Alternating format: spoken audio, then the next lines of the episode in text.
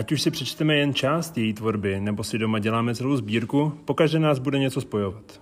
Hodiny a hodiny kvalitního čtení, kdy jen hltáme úžasné příběhy, rodinné vztahy, nečekané zvraty a životní náhody. Na stránkách jejich knížek se odehrává minulost tak, jak se k ní v hodinách dějepisu nedostaneme. Někdy drsná, někdy úsměvná, pokaždé však fascinující. Autorka knížek jako Hana, Hotýlek, Tiché roky a listopad. Mým dnešním hostem je paní Alena Morčtajnová. Dobrý den. Dobrý den. Moje jméno je Matouš Klíma, vy posloucháte Life Trail, inspirativní podcast o lidech, kteří se rozhodli dělat věci jinak.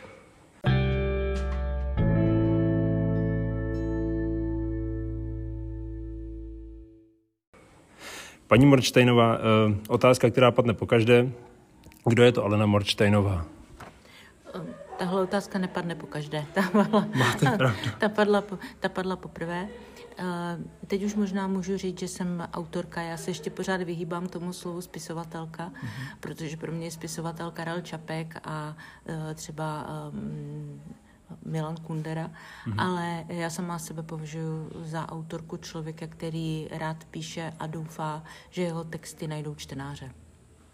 Když už o tom mluvíte, myslíte si, že jste spíše autorka pro mladé? Protože z mého okruhu mě je 23 let a prakticky neznám člověka, který by vás neznal. A nemusí to být vyloženě knihomol, ale minimálně četl alespoň jednu vaší knížku.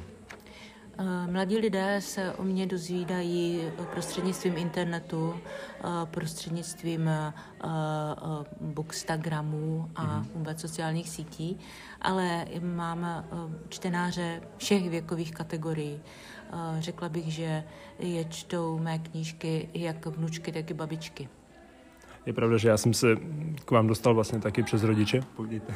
No chtěla jsem říct i vnuci a dědečkové, ale nějak abych, protože mám samozřejmě jak čtenáře, tak čtenářky. tak. Um, já jsem dostal tak trochu za úkol se zeptat. Eh, vy jste pracovala jako překladatelka, asi ještě možná překládáte stále? Už ne. Eh, poslední čtyři roky už nepřekládám, ale mm, doufám, že ještě někdy se k tomu snad vrátím, eh, protože bych nerada o ten jazyk přišla a tím, že s tím jazykem pracujete, tak si ho vlastně uchováte. Plno mladých lidí už nějaký jazyk ovládá, minimálně angličtinu, a setkávám se často, že by hrozně rádi překládali. A vlastně jim chybí možná i taková motivace k tomu, nebo vzor nějaký, máte nějakou nějaké pozbuzení pro lidi, co by chtěli možná začít překládat, ale neví, jak do toho? Eh, pro mě bylo překládání eh, cestou ke psaní.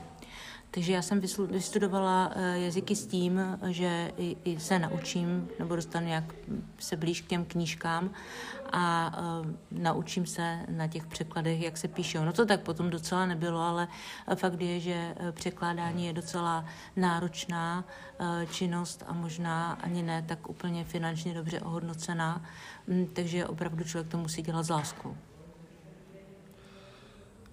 Je to nějaký přirozený proces? My už jste, pardon, něco podobného uh, říkala, že jste teda překládala, pak jste, že to byla cesta k psaní, ale je to tak po každé?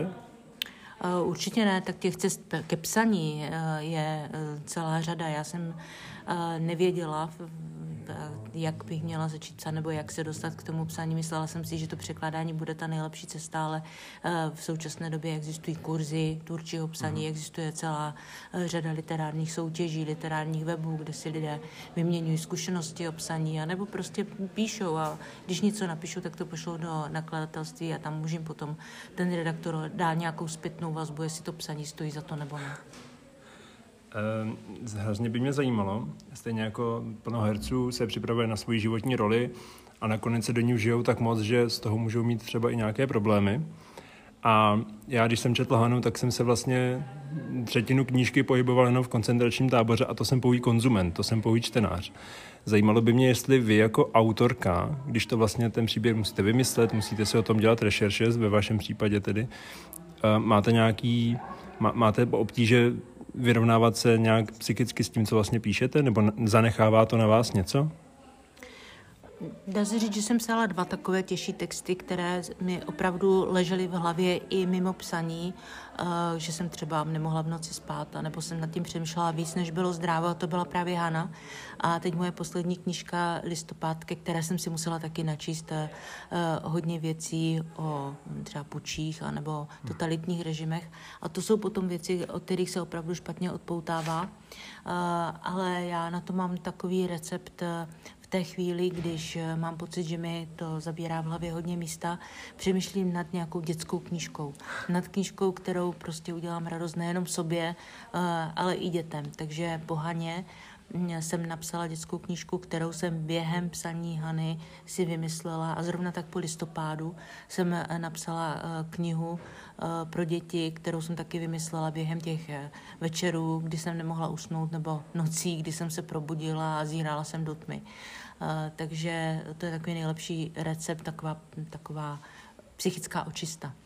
Takže takhle utíkáte trošičku od těch, od těch závažnějších věcí. Ono v tom dětském světě je, nebo ten návrat do toho dětství, do toho dětského světa eh, je takový návrat eh, do doby, kdy člověk má pocit, že ten svět je čistý, mm-hmm. že eh, všechno dobře dopadne a že je tam existuje nějaké bezpečí, takže já se do takového světu v těch dětských knížkách ráda vracím. Máte někdy mm, strach z toho, jak eh, vaší knížku přijme okolí, když ji vydáte? Vy jste vydala už pět knížek, tuším, šest? Tak nějak? Ne. Pardon. ne, samozřejmě eh, cítím takovou nějakou zodpovědnost eh, vůči čtenáři, eh, protože se snažím, aby každá ta knížka byla nějakým způsobem jiná. Hmm. Což je samozřejmě na jednu stranu dobře, ale na druhou stranu si uvědomuju, že když si nějaký čtenář přečte moji knížku a líbí se mu, tak by možná rád si přečetl knihu ve stejném duchu ale já se zase naopak snažím napsat každou tu knížku trošku jinak. Takže je mi jasné, že musím toho svého čtenáře do určité míry eh, to jeho očekávání hmm. zklamat.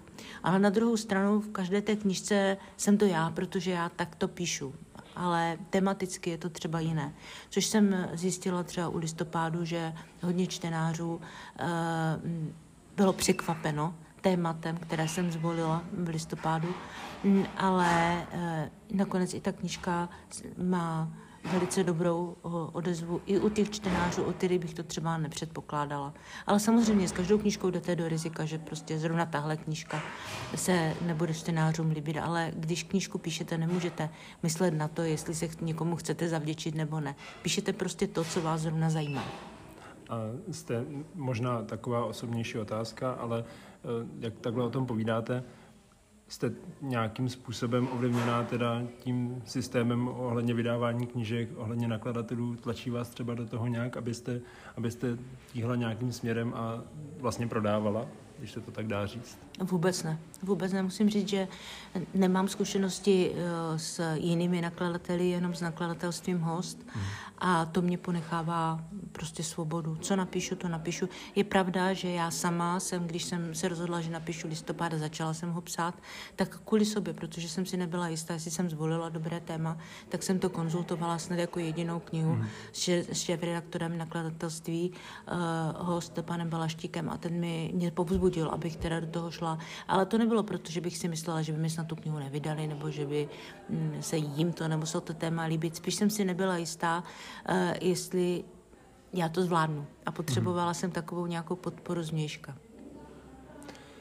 Mě by zajímalo, když jste vlastně jedna z nejúspěšnějších českých autorek v současnosti, jedna z nejprodávanějších a ty knížky jsou zkrátka dobré, tak uh, co děláte jinak?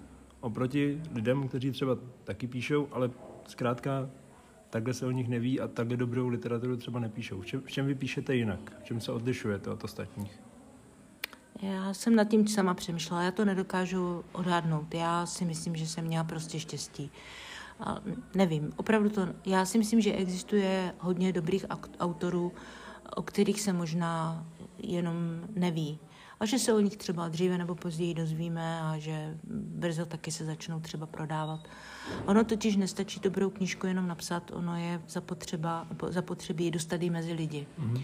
A je fakt, že já se snažím pro ty svoje knížky dělat, co se dá, ale na druhou stranu, kdyby ty knížky asi za to nestály, tak jim nepomůže vůbec nic. Je to asi, je to tak. Napsala jste už mnoho knížek, všechny byly mm, úspěšné, jak jen mohly a mm, zajímalo by mě, protože vydáváte, jste vlastně nejznámější, jedna z nejznámějších autorek, setkáváte se určitě i s kritikou. A jak se s ní vyrovnáváte? Protože plno mladých lidí vlastně neumí s kritikou zacházet a vidím to ve svém okolí, kde lidi jsou vlastně ztracení v tomhle světě a když uh, slyší kritiku, tak neví, jak si nakládat, protože zkrátka k tomu asi nikdo nikdy nevedl. Máte nějaký, ne recept, ale třeba m, nějaký, nějakou situaci, jak jste se vyrovnala s nějakou kritikou?